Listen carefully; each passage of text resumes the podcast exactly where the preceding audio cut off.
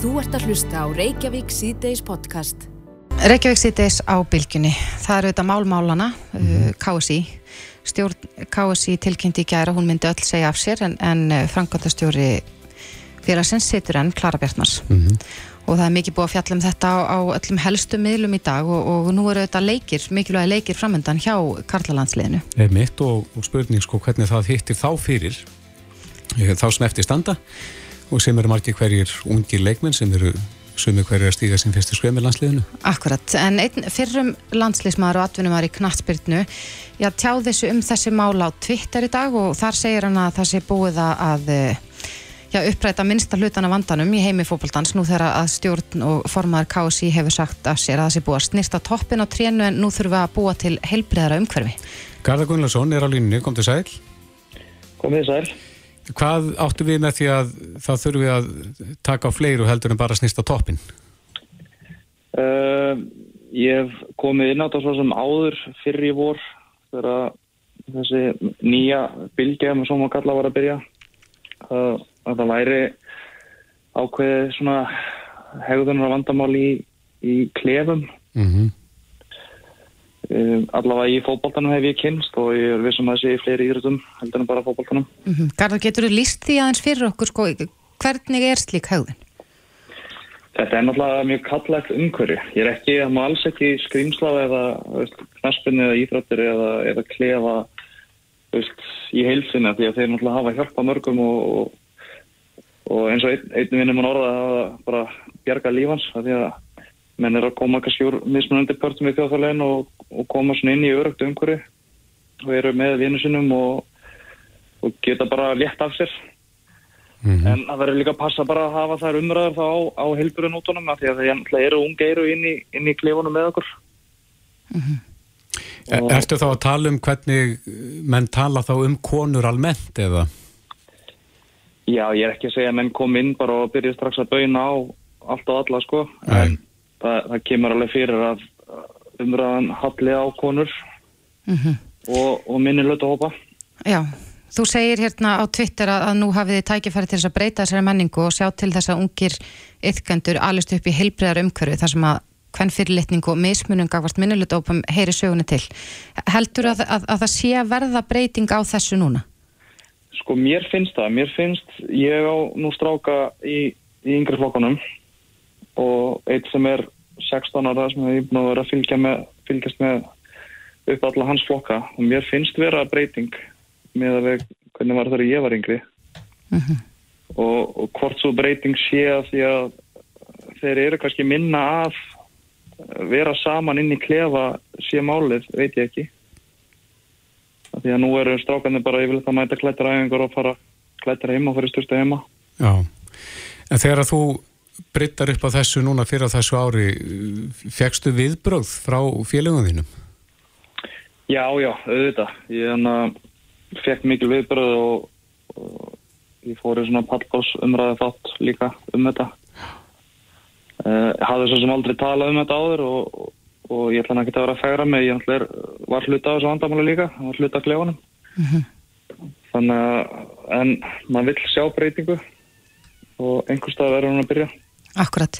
Núna eru þessi mál svolítið upp upp á borðinu, núna í, í ljósið alls í kringum KSI Hver heldur þú að sé besta leiðingar til þess að ná til bæði ytkenda og, og já, þjálfara og þeirra sem standa að, að baki já, íþróttareyfingunni í helsinni? Um, Alltaf sé ekki bara meiri fræðsla, meiri, meiri eftirfylgni líka, líka frá fóreldrum. Því að náttúrulega er sem fóreldri er náttúrulega okkar ábyrða að koma fólk út í lífi sem að skilur hegða þessu vel. Mhm. Mm þannig að ég veit ekki, ég er enginn sérfræðingur þetta er bara, þetta er bara lág á mér í, í gerðbeldi þetta sem ég tvitaði í, í nótt mm -hmm. og ég setti það bara út og svo þegar ég vaknaði morgun þá var þessu umræða komin að stað Já, þú ert fyrirvenandi landslýsmaður hvernig slær þessu umræða þig núna og, og það sem er að gerast í kringum KSI? Ég ég held að það er best að lýsa þessu bara sem svona ákveði sorgaverðli sem við erum að fara í gegnum örgulega þjóðin eða allavega þeir sem hafa fylgst með strákunum mm -hmm. En eins og við töluðum um hérna áhangarðar að þá eru já, leikir framundan og, og uh, vissulega búið að vera mikið í gangi kringum KSI. Já. Hvernig heldur að, að þetta já, slái hina sem er í liðinu, þessi sem að eftir sitja í raun? Þetta 100% tekur á, það er ekki alveg lofa eitthvað því og eins og ég sagði að má ekki gjaldfella heila íþrótt fyrir gjörður einstaklinga. Það eru fullt af góða fólki í, í fókbóltanum, bæði, bæði leikmenn og, og svo þau sem eru að gefa vinnunum sinni kringu fókbóltan. Og 90 og eitthvað borðsund að því er allt gott fólk. Mm -hmm. Þannig að má ekki gleyma því, má ekki gleyma því veist, hvaða góða starf íþróttarhefingin hefur unnið í gegnum tíðana með börn og úrlinga og, og svo framvegs og við verðum bara ég veit ekki, það er erfitt að segja þetta á þessum tíum en við verðum bara stiðja þessu strákar sem eru í, í liðinu, þess þurfum að ég halda. Já, nú er búið að búið til mótmæla á fymtudaginn, landsleitja daginn. Heldur að það geti haft áhrif á landsliðið? Þetta hefur allt árið öll þessu umræða hún 100% áhrif og sérstaklega núna þess að vera með heldur til dæla ungt landslið Mm -hmm. Og margir þetta stíga kannski sín fyrstu skref? Já, það eru nokkru sem eru bara á eiginlega unglingsaldri ennþá líka við og eru á stíga sem fyrstu skref þannig að þetta er, þetta er aldrei eldskýrl fyrir þá Já, en, en þú talar um Garðara að, að nú sé tækifæri til þess að breyta þessari menningu. Ég sko, nú erum við með, við erum með þessa umræði í samfélaginu. Hún er orðin miklu meira áberandi og, og, og þetta greinlega sem betur fyrir líðst ekki lengur svona hegðun.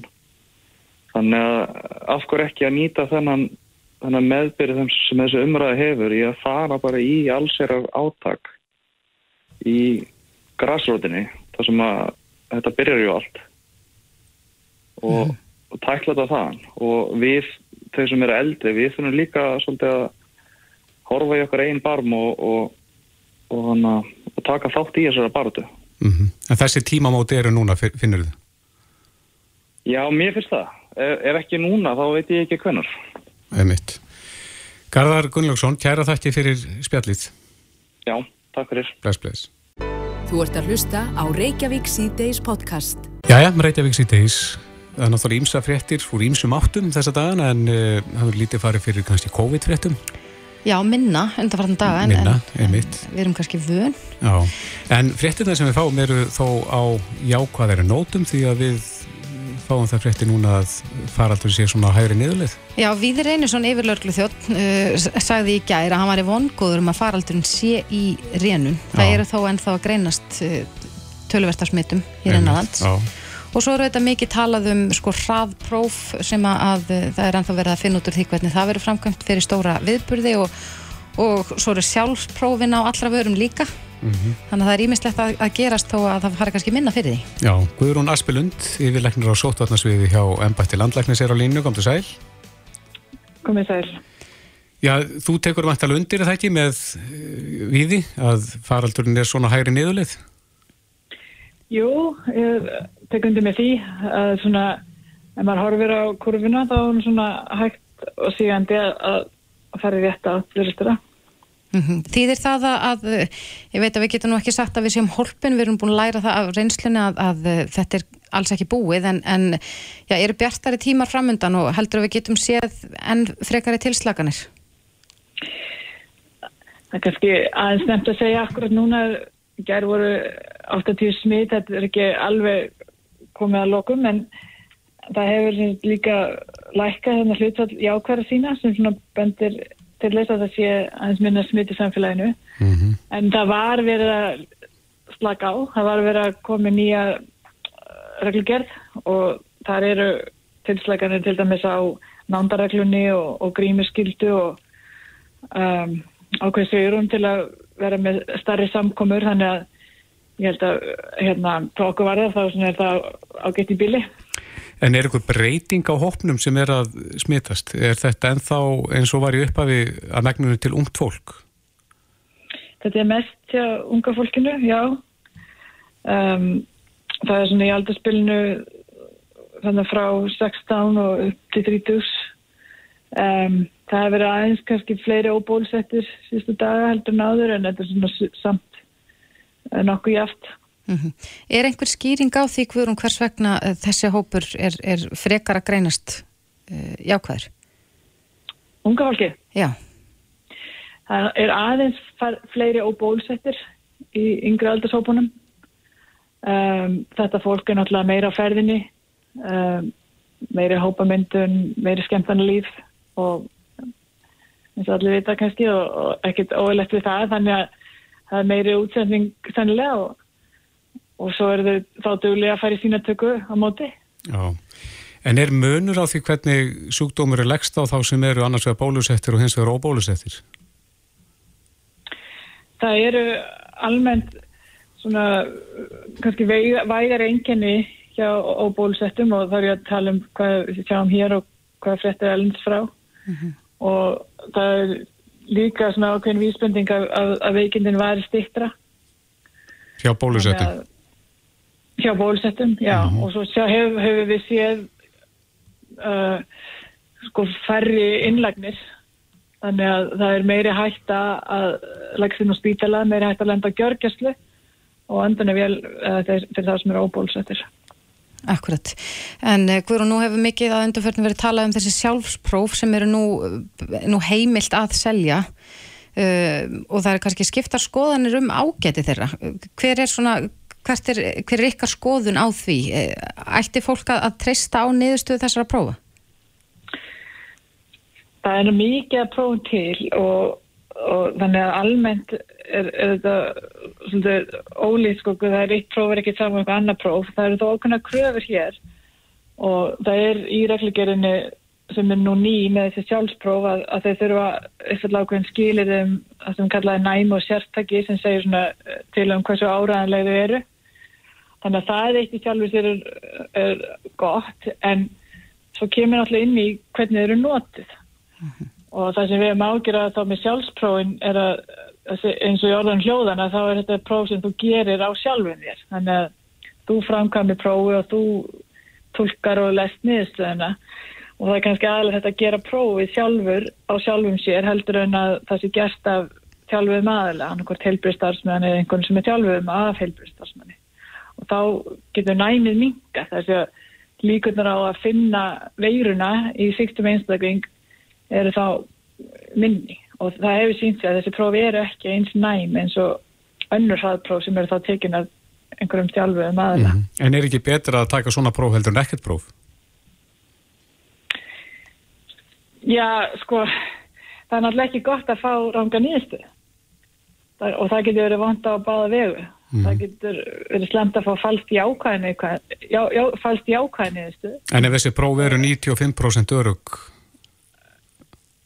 Sko það er, já, en þau eru ekki 95% örug nema bara akkurat þá við þær aðstæði sem það er aðtöðað. já, þetta er rétt gert. Já, En er eitthvað eftirlit með já. þessum prófum, Guðrún? Það er að segja, eins og við sögðum þetta ána, þá er verið að selja dansi víða, en, en eh, er, er eitthvað eftirlit með því að það sé verið að selja eh, traust og góð próf?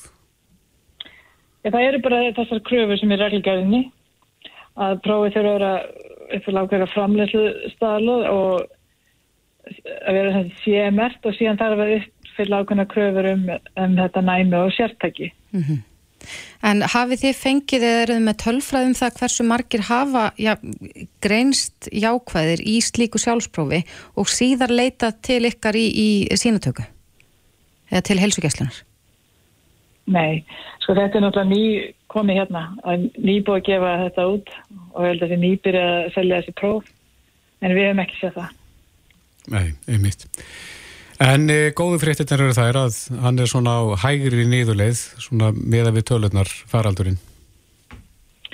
Já, það er góða fréttir. Já, Guðrún Aspelund, yfirleiknar að sótt átnarsviði embættis landlægnis. Kæra þakki fyrir þetta. Vel. Þetta er Reykjavík C-Days podcast.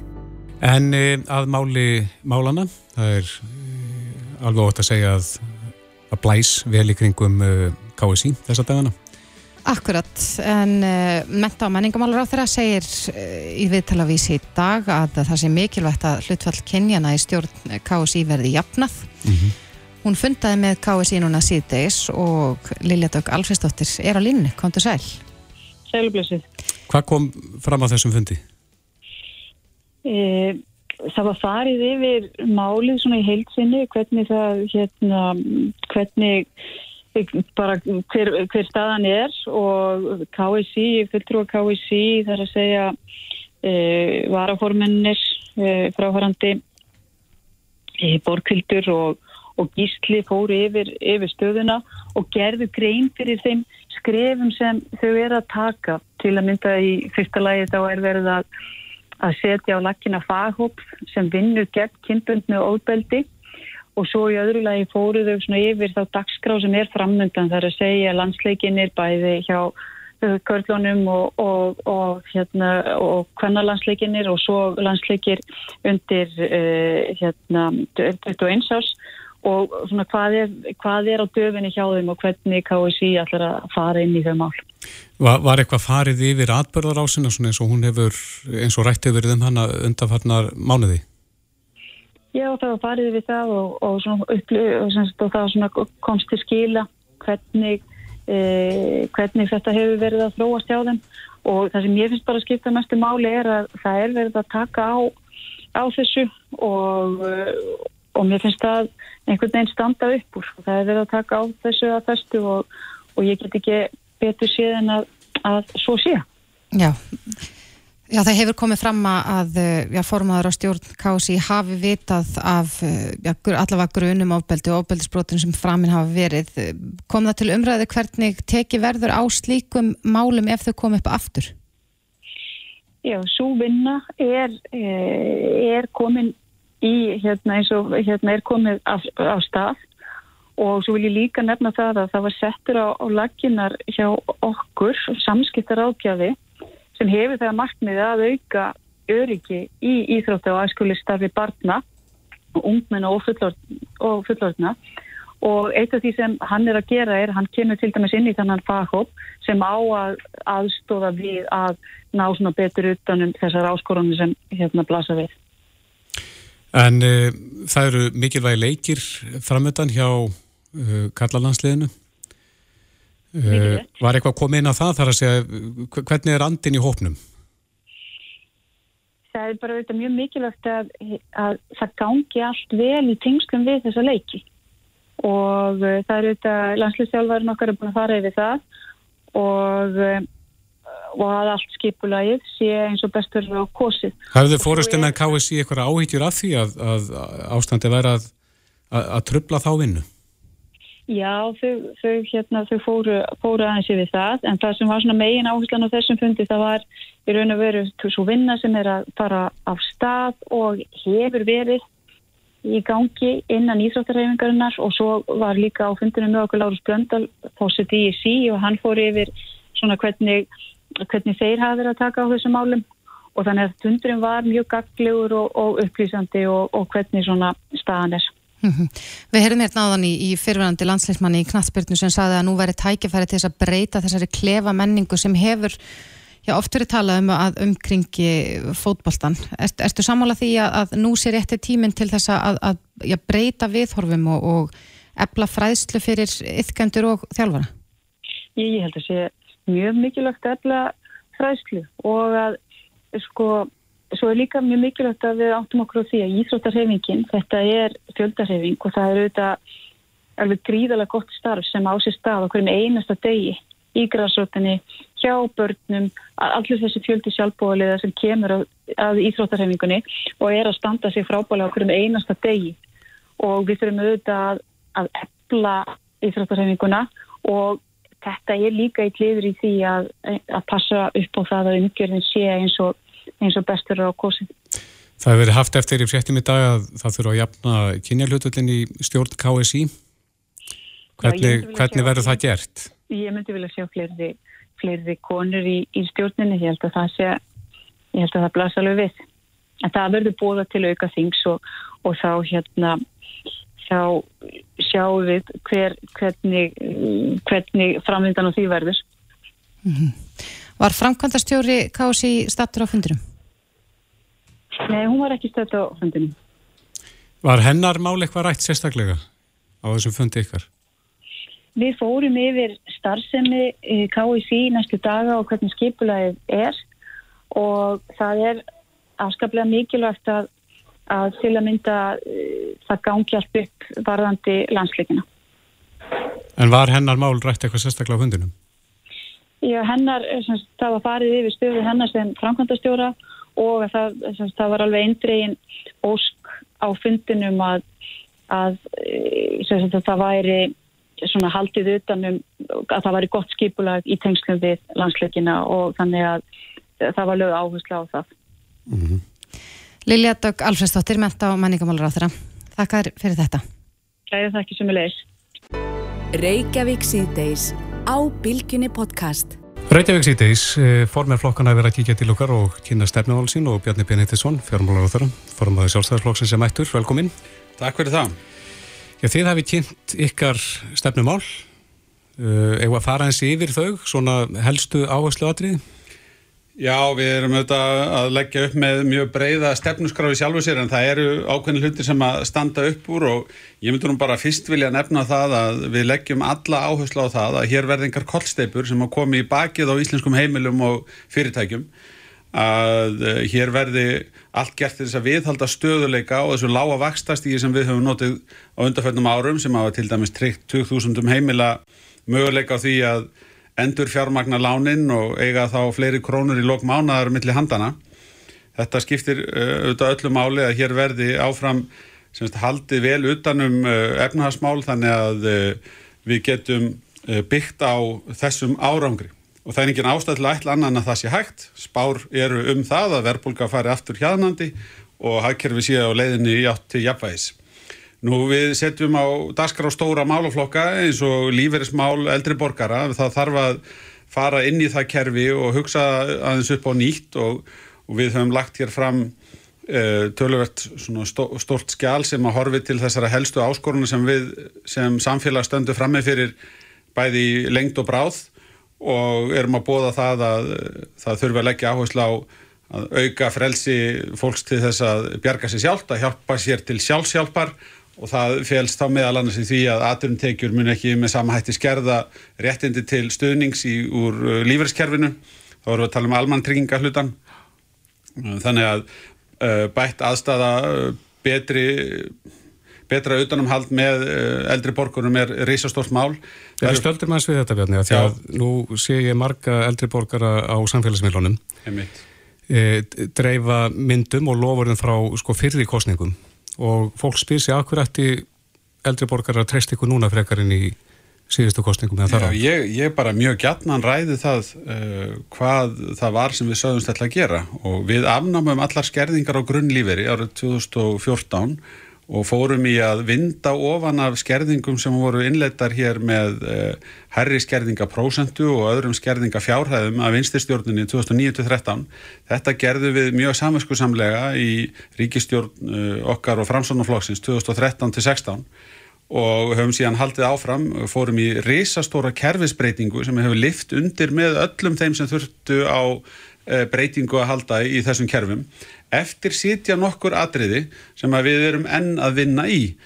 Eh, en það er engin spurning að við höfum náð ofbáslega stórum áfengum á undarförnum árum og þessi hópur hefur líka notið góðs af skattalækununum sem að til dæmis tóku gildi núna síðustu skattabreitingar og síðustu áramót, við vorum að aflétta sköttum af sölu á sömarhúsnæði, við vorum að tvöfalda frítekjumarki í fjármastekjuskattunum sem að rætt var um í fyrir lofordum og svo framvegs, en við höfum gert mjög margt Það sem eftir sittur ennþá er að uh, hvaðin til þess að sækja sér viðbóta tekjur er í raun og veru tekin tilbaka með of stífum skerðingum í kerfinu. Það er ágreiningun á það hvernig réttindin eiga breytast frá einum tíma til annars, menn leggja áherslu á það að málefni lífristega séu aðskilum frá málefnum örorku í landinu og sé, sé, það sé rætt um þetta sem svona sjálfstæðan sérstakann málaflokk og það finnst mér í sjálf og sér alveg eðlilegt og uh, við þurfum að við þurfum að gera betur uh, gafkvært þeim sem að minnst, minnst að möguleika hafa til þess að auka við ráðstöðunum tekið sínar því að við erum hérna að tala um þá sem getur kannski sótt sér atvinnutekjur og þannig bætt stöðu sína. Við erum líka að horfa til þeirra sem er ekkit í stöðu til þess að fara að sækja sér atvinnutekjur. Er ekkit að fara að vinnumarkaðir mm -hmm. kannski orðnir og nýraðis aldrei eða eitthvað. Þið taliðum í kostninga áherslum ykkar uppstokkun á tryggingakerfi öryrkja að hvað leiti verður uppstokkun og hvað leggið til? Já, það sem er lagt í grundvallar þarna er að við færum okkur úr uh, kerfi sem blandar saman í senn því sem að vantar upp á í lok starfsæfinar og reynir að um, mæta kröfum þeirra sem að vilja bæta kjörsín. Það er að mhm. segja að við eh, myndum líka því við það að eiga eitthvað í sjóði í lok starfsæfinar í staðis að fara á bætur almantrygginga og svo hins vegar erum við að tala um stóraukna kvata eða stóraukna möguleika fyrir fólk til þess að uh, hafa aðrar tekjur til þess að bæta þar ofan á. Mm -hmm. Við erum sem sagt í raun og veru að ræða um stöðu þar sem að fólk sér engan ávinningu því að hafa viðbúta tekjur venni þar hverfa allar í skerðingar í bótakerfunum. Þetta er alvarlegt mál og, og við getum ekki gert lítið úr þessu. Mm -hmm. Eitt af svona stórum málunum fyrir þessar kostningar eru þetta heilbreyðskerfið og heilbreyðsmálin. Uh, hvað leggir þið til í þeim efnum?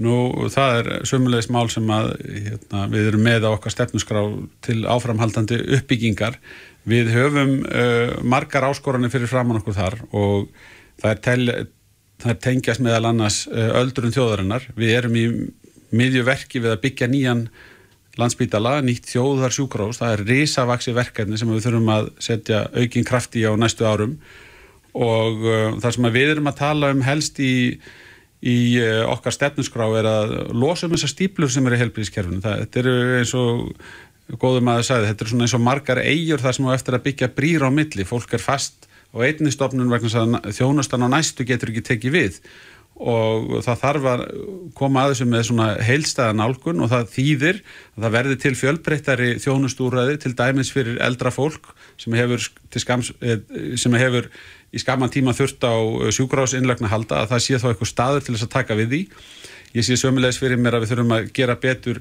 almennt í öldrunamálunum bæði hvað líðhelsu snertir og svo þessi búsetu úrræði.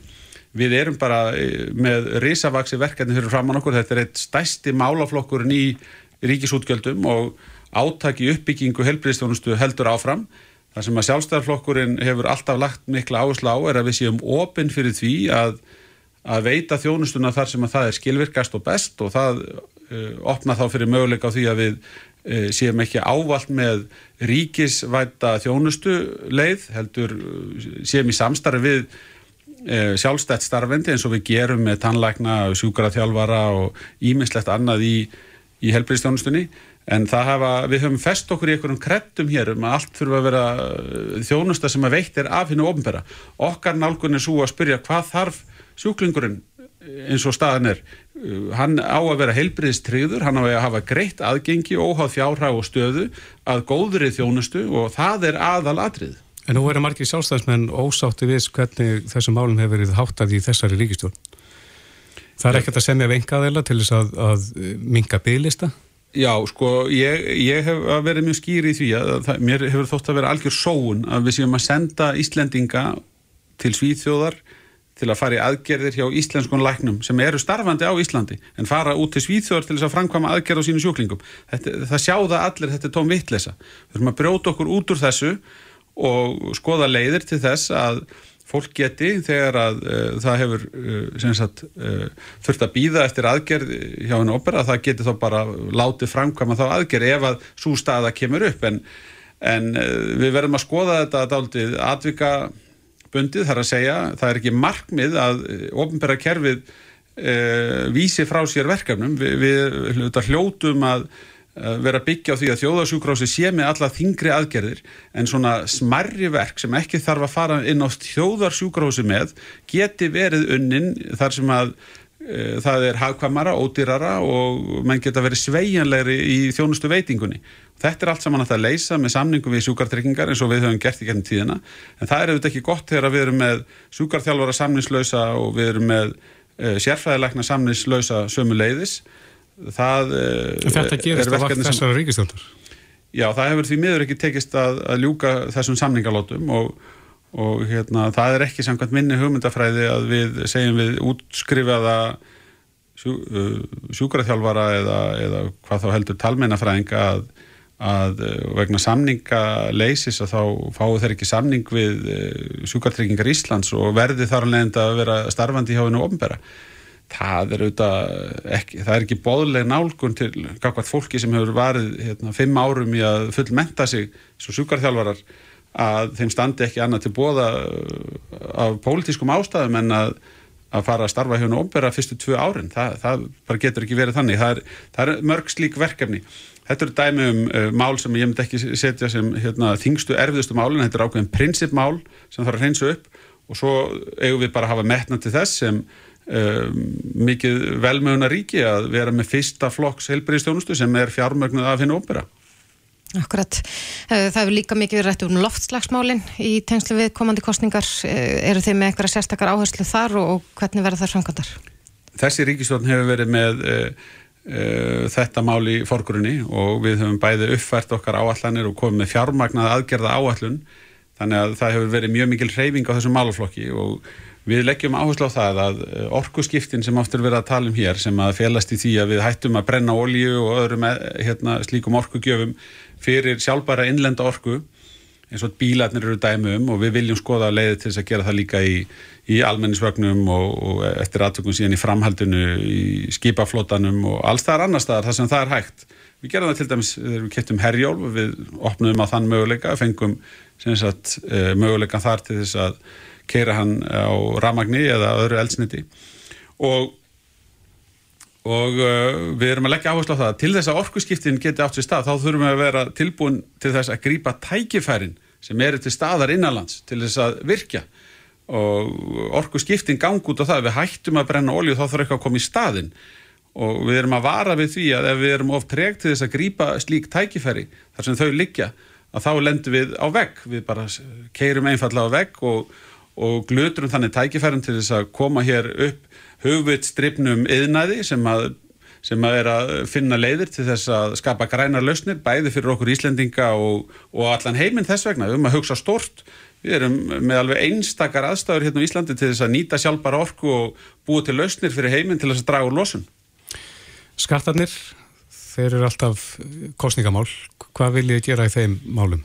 Já, við vörum við því að, að hagkerfi sem er að jafna sig eftir mikið áfall að eh, það sé verið að fara hér fram með mikla skattahækkana hugmyndir og, og það, það sé bæði óþarfi og það sé skadlegt og menn eru að lofa alls konar ríkis uh, útgjaldapökkum og, og, hérna, og fjármagna þá með nýjum sköttum sem ekki hafa reynst vel. Ég tek eftir því að menn telja það góða hugmynd núna að fara í auðlega skatt og ef var að sækja 15 miljardar með auðlega skatti á þá sem að e, eiga 200 miljónir eða meira, þá er alveg ljóst að menn þurfa að fara í margra prósentu skatt. Mér sínist í fljótu bræði að ef það er verið að tala um netto eigna þá þurfum við 5% skatt. Þetta er 5% skattur á fjármagni í landinu sem er í dag bundið í fyrirtækjum og störfum fólks í fjárfestingu og framtíðar hagvexti.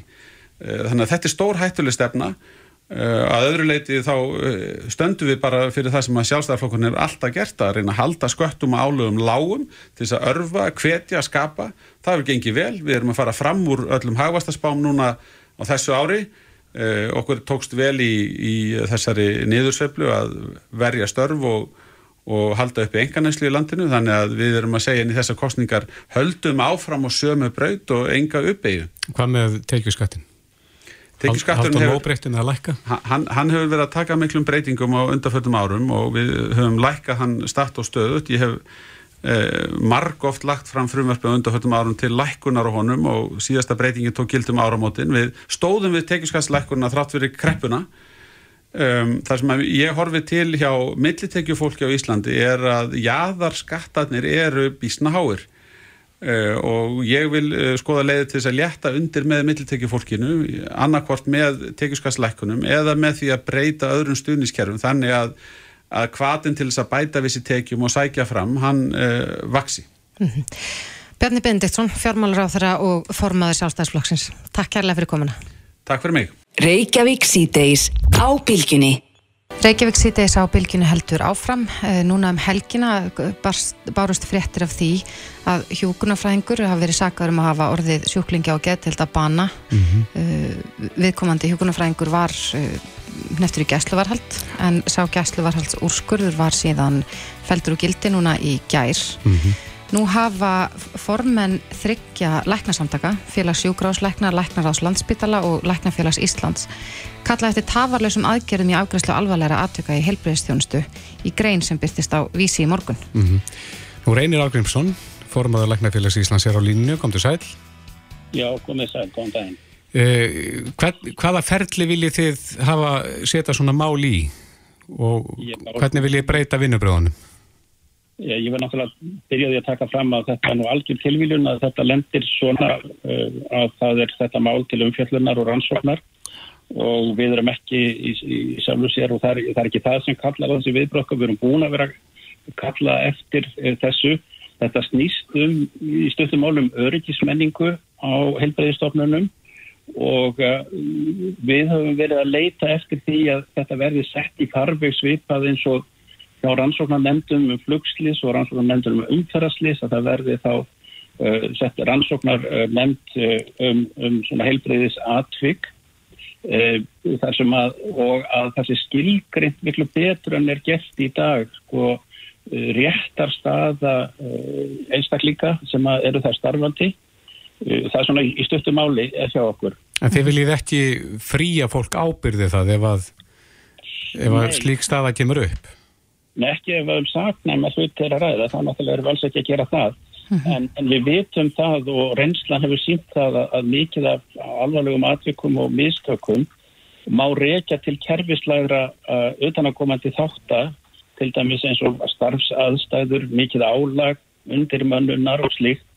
Og þá er í rauninni eina úrræði sem að er eh, sko, fyrir eh, fyrir þá sem standa að þessu er að sækja gegn einstaklingi sem er þarna að vinna og, og það er, finnst okkur náttúrulega ekki, ekki rétt að, að, að, að einhver einstaklingur, læknir, hjúkunarfræðingur eða einhver annar sem gerður ábyrgur fyrir kerfislægu mistökum. Já, viljið þið frekara að, að viðkomandi þá, þá stopnun eða, eða vinnuveitandi beri ábyrð?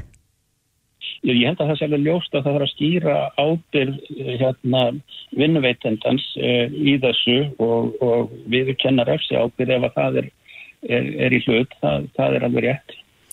Er, er þetta hitamál innan heilbriðis kerfisins eða meðal heilbriðis starfsmanna? Nei, þetta er svona talið mikið réttlættis mál og það var skipaður starfsópur af heilbriðisráður 2015 sem að kom með mjög ítalegur og góðar tillögur af okkar mati uh, sem að ekki hefur verið fyllt eftir og við erum að kalla eftir og, og erum að spurja um sko hvað hva varð um máli, hvað stendur það sko til dæmis varðandi verklagsreglur sem átt að setja er búið að gera það, er byrjað á undirbúningi uh, er komið á samstarmilli embætti landlæknis og lögreglu uh, um vettvóksaransóknir sem að var lagt til að væri þarna uh, þannig að eh, það er að skýra betur í lögum hvaða óvæntu döðsföll eiga tilkynna til lögreglu og svo framvegis.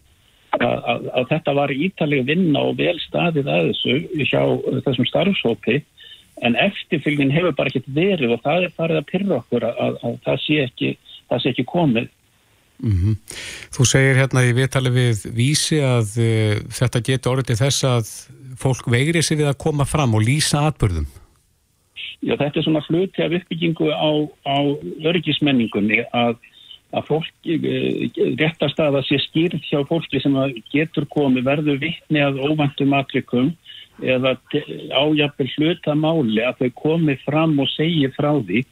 Þannig að hægt sé að læra af því, alveg svo til dæmis í flugslýsum að, að, að þá, þá þarf að vera sko, bara opin umræða um hvað gerðist og hvernig getur við komið í vekk fyrir það aftur og þannig byggjum við upp öryggismenningu ef að fólk á hættu á því að það sé alltaf refsivöndurinn sem að er yfir þeim uh, í svona kerfislægum mistökum að þá veigrar það sig við að koma fram eða við teljum hættu á því að fólk veigri sig við að koma fram og þá lærum við ekki af þessu og þá er hættan á að þetta endur tækja sig uh, fyrir hendi Mm -hmm.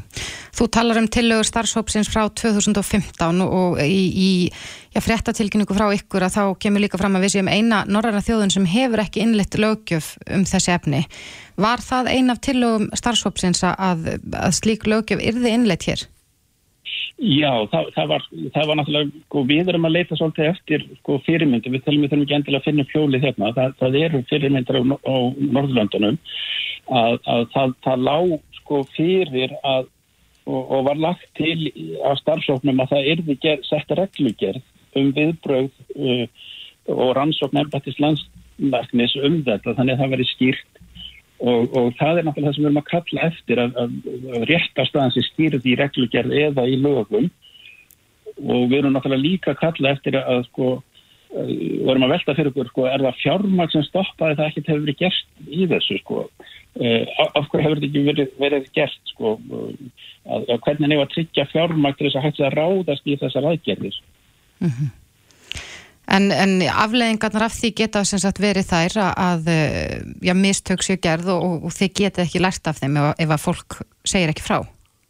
Já, það er eiginlega megin skil, sko, skilabóðin frá okkur að, að til að byggja upp öryggismenningu uh, þá, þarf, þá, þá þarf fólk að geta komið og stígið fram óhrætt um að það geta haft af, afleðingar fyrir það sjálf en, en, uh, en að sjálfsögðu erum við ekki að, að, að sko ef þeim refsi verða eða saknaðum að þetta er að ræða þá, þá, þá það er ekki verið að tala um að fara að hilma yfir því eða fyrra einhverja ábyrg í þeim tilvikum. En, en reynslan sínir að, að það er í fastum tilfellum og eru undatekningatilfellum þá að eflaus getur það gerst í okkar kerfi eins og annar staðar. En finnir þið þar reynir að heilbreyðstarfsmenn séu, já, sættir við það að vera persónulega sóttir til saka, saka eftir mistök eða önnur alvarlega atvik? Já, við sáum náttúrulega þetta sko, umræðinum þetta 2015 fór náttúrulega stað eftir að það var hjókunarfræðingur sem var hérna, ákjær fyrir mandráp uh, á gáleysi og síðan síknu þegar, þegar þetta var komin.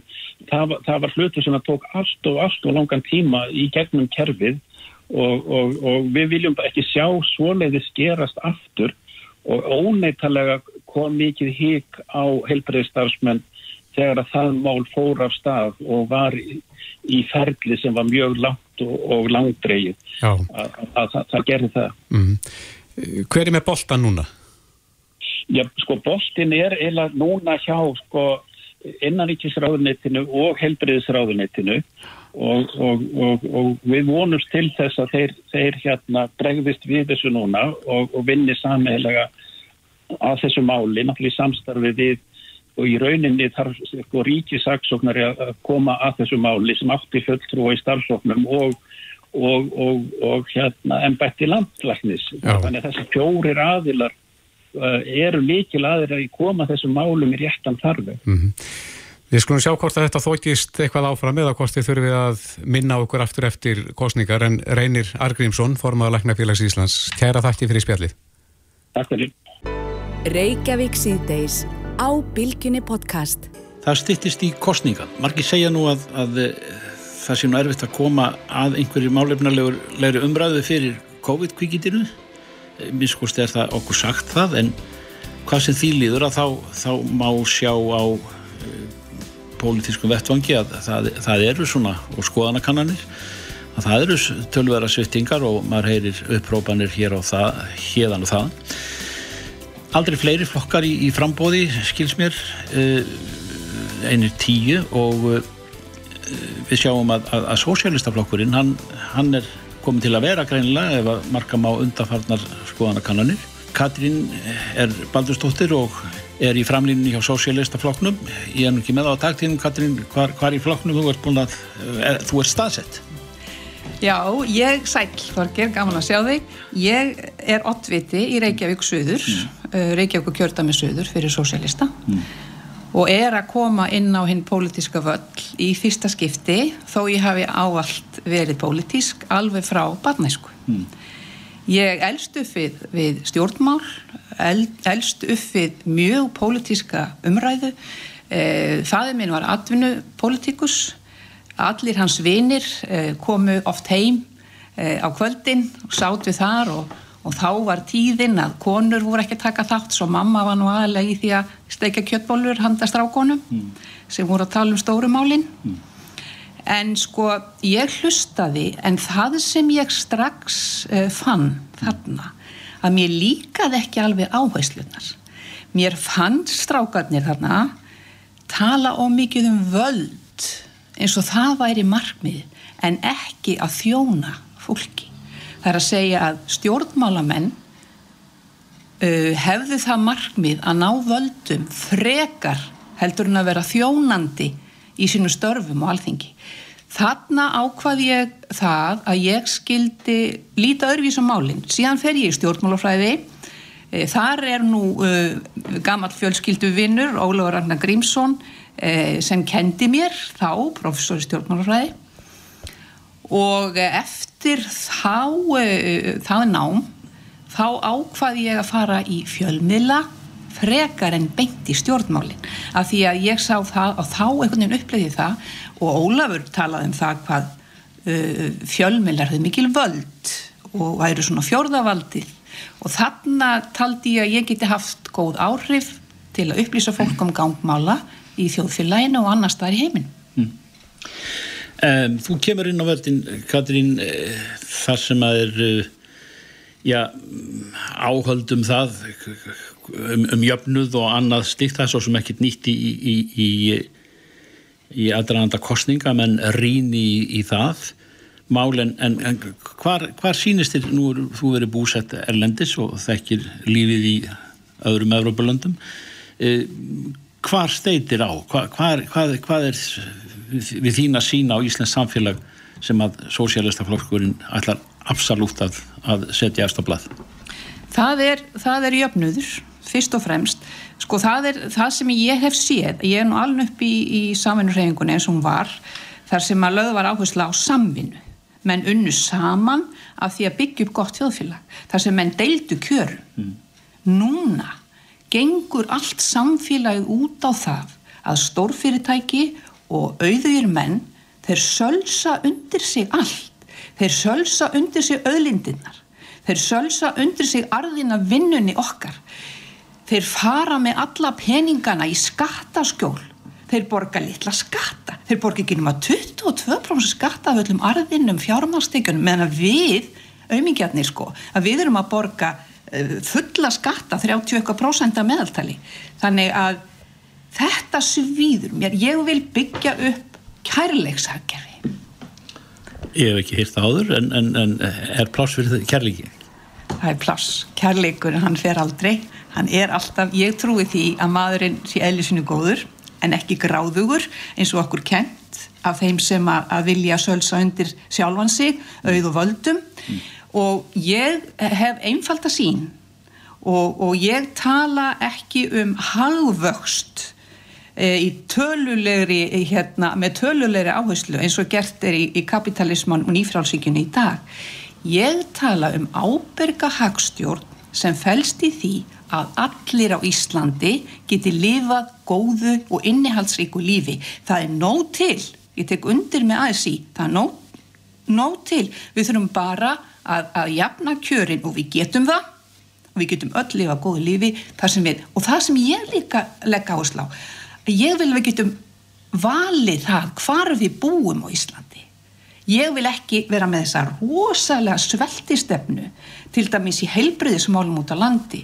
Ég er algjörlega á móti því að einhverju kvótagrefar hafi bara reynsað byggðalögina innan. Þannig að, að nú eiginlega eru öll byggðalög svona lálaunasvæði og skilgrina sig. Ég fór, með svo við fórum á rútu sósialistarútunum alland hittum fullt af fólki og það var þessi þetta vonleysi og það var þetta að hérna eh, einhvern veginn vonleysum það að veri hægt að fá aftur það sem við höfðum.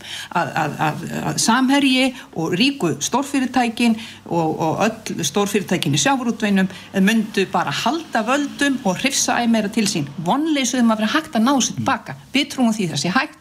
Við trúum því að einstinni vill fólk vinna saman og einstinni er það þannig að fólk veit að með samvinnu höfum við byggt upp all gæði mm. á, á landinu. Þú þekkir þetta fyrr og síðar.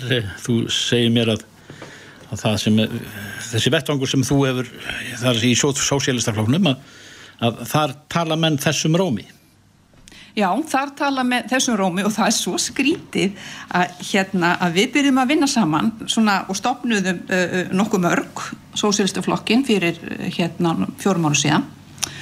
Og ég þekkti fæsta. Og það var svo skrítið að við höfum öll þessa sömu sín það, það er mjög fátt sem greinur okkur að. Við höfum þessa hugssjón að við viljum berjast fyrir fólk, við viljum berjast fyrir því að, að, að hérna, almenningu sé ekki að borga og háa skatta. Við erum til dæmis með ska, tilbóð um skattalækanir til almennings, til vennilegs fólks. Við erum með tilbóð til, til, til smára fyrirtækja um að lækka skattana á þeim þannig að þau geti þrifist mm -hmm. þar sem nýsköpun getur þrifist þar sem að menn sé ekki svo aðþrengdir í, í, í smárekstri að, að það bóstalega þeir bóstalega hangja horri minni sumir á meðan að stórfyrirtækin taka allt til sín, hvað bull er það? Fyrir mér er þetta bull og fyrir mér er það bull að á, á COVID tíma e, séu menn sem e, síni, síni sig hafa hér 20 miljónu tekjur á mánuði e, meðan að hlutabrefin aukast um þeir sem eiga hlutabref að þeir hérna að, að andviðir í þeirra gróðin sem kemur út úr því eru 1500 miljardar á COVID tím svo er viksillu núna sem, sem að, eða, skuldir ríkisins vegna COVID 200 miljónir, hver á að borga þær? Heldur þú að stór, stórjækslarnir, auðvaldir ætlir sér að borga þær? Nei hættan er svo að þetta verði lagt á herðar okkar mennilegs fólks Katrín Baldurstóttir eh, það, það er ákveðin tótni í þér og, og, og þínum Ertu bjart sín? Bjarsín, já, ég er svoleiðis Bjarsín, þetta hefur gengið svo vel hjá okkur, við, við, þetta er bara nýr flokkur og hérna við vissum ekkit hvernig þetta myndi ganga, nú erum við bara komin upp í 8,7 var konun um daginn og svo 8,3 núna hjá, hjá, hjá Gallup, þessi boðskapur okkar, hann á grundvöld og hann fer, hann, það eru fleiri og fleiri sem er að koma á e, bátinn með okkur. Gangi ykkur vel. Takk fyrir Þorgir. Vertu með í umræðunni. Reykjavík síð. Hlustaðu hvena sem er á Reykjavík síðdeis podcast. Íslandingum í meirinn 115 ár. Hlustaðu hvað sem er. Hvena sem er. Bilgjan. Reykjavík sýtis á bylginni heldur áfram. Við töluðum hérna aðan við Bjarnar Bendiktsson fjármálaráþara og, mm -hmm. og uh, meðal annars um orkuskiptin. Já, það er svona eitt af grænu stefnumálum sjálfstæðarsflokksins, það er að skipta út hérna, orku. Já, og þetta er þetta á stefnusgráni já, hjá örgulega flestum flokkum. Þetta er eitthvað sem að skiptir máli fyrir framtíðina. Já. En uh, ég rakst hérna áhugaverða frétt í viðskiptablaðinu. Mm -hmm. En þar kemur fram að flugskóli Reykjavíkur hefur gert samningum kaup á þremur í flyers kennslu flugvilum og með þessum kaupum þá brítur skólinn blað í sögu flugkjenslu í Íslandi þar sem að þetta er í fyrsta sinn sem að nefendum verður bóðin kjensla á flugulum sem ganga fyrir ramagni engung. Já, þetta er hljóma spennandi en uh, á línunni er skólastjóri flugskóla Reykjavíkur Hjörvar Hans Bragason, kom þú sæl? Já, kom þú sæl. Hva, þessar vélar, eru þetta bara vennulega flugvélar? Já, þetta eru bara alveg vennulega flugvélar Uh, að vísu er þetta náttúrulega splunkun í hönnun. Mm -hmm. og uh, hönnun er, er á, á þá leið að, að, að hún er hönnuð af, af artificial intelligence eða af tölvu. Og einmitt að því að hún gengur fyrir rammagni að þá eins og eins og, eins og hérna gefur að skilja að þá þarf ekki lengur að bera kannski elsneiti í vangjónum. Þannig að hönnun er uh, hönnuð í rauninni út frá út frá bestu mögulegum aðstæðin sem að vélinn getur ákast af sig hún, sagt, af, því að, af því að það þarf ekki að bera elsnildi en eitt annað heldur hún bara raunni batteri að þá er lítið viðnám og hún er, hún er mjög örug búin mjög flottum búnaði og, og er raunni uppfyllir alla aðra stála sem að aðra flugulega gera. Elsnetis leysi það hlýtur að létta vélina, vélina en, en eh, svona raflaða getur verið hans í þungu það ekki? Hún er ansið þung. Um, að vísu er, er hönnuninn og, og efnið sem að vilja er hönnuð úr. Hún gerir það nú ekki þingri heldur um uh, 662 kíló ef ég mann rétt. Það er sér að tekja þetta viljum. Mm -hmm. Hvað er svona... Uh, sambarilegt sko. Er það sambarilegt við bensínvílar? Já. Á, já. En, en hljóðið í henni? Er hún hljóðlátt? Já, framleiðandi segir að á, á, á jörðinni sé þetta svona, svona þú heyrir náttúrulega eitthvað sko en, en í 500 fetum sem er um 150 metrar mm -hmm. þá vil ég menna heyrir bara alls ekki neitt sko. Já, Já. En, en Hjörvar, þetta lítur að vera spennandi, það er mikið talað um orkuskiptin í fluginu og, og alltaf að berast nýjar og nýjar fréttir, eða sérst bara nýjar fréttir af allskynns uh, prófunum og þróun í þessum efnum uh, er þetta framtíðin í flugkennslunni? Já, ég myndi segja það að, að svona ef við tölum um orkuskiptina þá að verður eitthvað starf að byrja þegar, að, þegar við förum uh, út í það að hugsa í, flug almennt og, og, og þá svona held ég að flesti sér sammála fyrir að það sé best að byrja í smerri velum eins og, og e-flyerinn og þessar velar sem við erum að tala um eru sérstaklega hannaðar, hannaðar út frá, það eru hannaðar út frá því sjónamið að það er hendi vel í flugkennslu þess að takja ferðarsönda velar og, og þannig ég myndi segja að framtíðin í flugkennslu verði klárlega á þessum, á þessum nótunum og, og orkusskiptin öll í flugi verði á, á ramagni mm. á, á næstu árum. Hver, hver er flugdrægnin?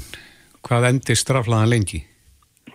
Já, það nefnilega er, er, er góð spurning. Hérna, það hefur verið heldi flöskuhálsin í, í hönnun uh, þessara ramarsflugvela sem eru svona lítið dagsinsljóðist, það er, er flugþólið.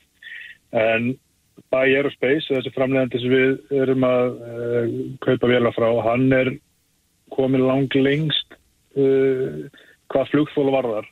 Og til að mynda er tveggja setta flugvelin með þryggja klukkustunda flugþól og fjögur að sæta flugulinn er með 5 klukkstundar flugmál. Það er svona samabori við bensínvélar? Það er, það er mjög sambaralegt. Ég myndi segja að vélar á þessari starðagráðu séu með meðaltali sem fjóra tíma flugfól. Já, og hvað er þú svo lengi að hlaða? Framlegandi segir að, að með þá rafliði sem að þeir eru nótið í dag, þannig að mjög hröð þróun í, í, uh, í rafliðum almennt mm -hmm. að þá sért að hlaðan á 20 mínúndum að það er með góða hlæðslustöðu þar að segja. Já, já. já. En þið hafi, þið hafi gert samning um kaup á þremur uh, kænsluflugulum sem eru rafknúnar. Hvenar, hvenar fáið þar í hendurnar? Já. Við erum búin að, búin að gera samning um þess að þrjáru og eigum við viðræðum um, um tværi viðbót sem að á eftir að á, ákveða endanlega.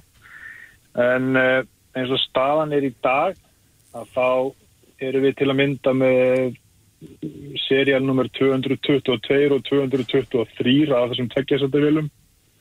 Við held hans er komið 400, að þeir eru komið 420 pantanir uh, í heldina á þeirri vél og við erum að horfa þá í kringum að þeirra sögn í kringum 2-3 ári aðfendingu með að við hvar, hvar við erum í framlegslu línunni. Mm. En uh, Hjörvar, er það eins með þessar vélar eins og bílana að, að viðhaldi verði miklu betra og nánast ekki neitt? Já, það má, það má, það má gera ráð fyrir því. Það er einu tegur bara venjulegan bullur heil þar sem að hundruði hluta snúast til þess að mynda bruna og knýja fram nafla að þá er ekki nema eitt hlutur sem reyfist í ramarsmótanum mm -hmm. og og þar alveg þetta tölvört minna við held og engin olíu kostnaður og að vísu þarftu náttúrulega að taka inn í reyningin að, að það þarf að endur nýja rafluðuna síðan og það er mjög, mjög kostnaður samt en, en kostnaðurinn við íflægir samanborið við uh, velar eins og við þekkjum í dag sem gangur fyrir, fyrir jarðunæðilsniti að hann er um 1.50 Já, en hvað með flugvirkjana? Er, eru þeir alveg klárir á, á þessar, þessar velar?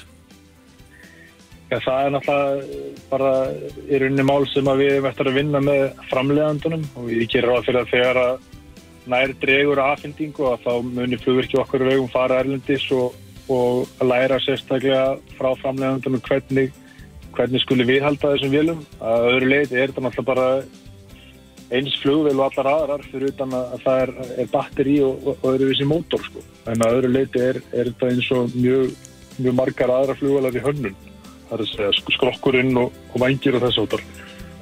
Já, þetta er ljóma spennandi. Þetta er mjög spennandi. Hjörvar Hans Bragarsson, skólastjóri Flugskóla Reykjavíkur. Takk kærlega fyrir þetta.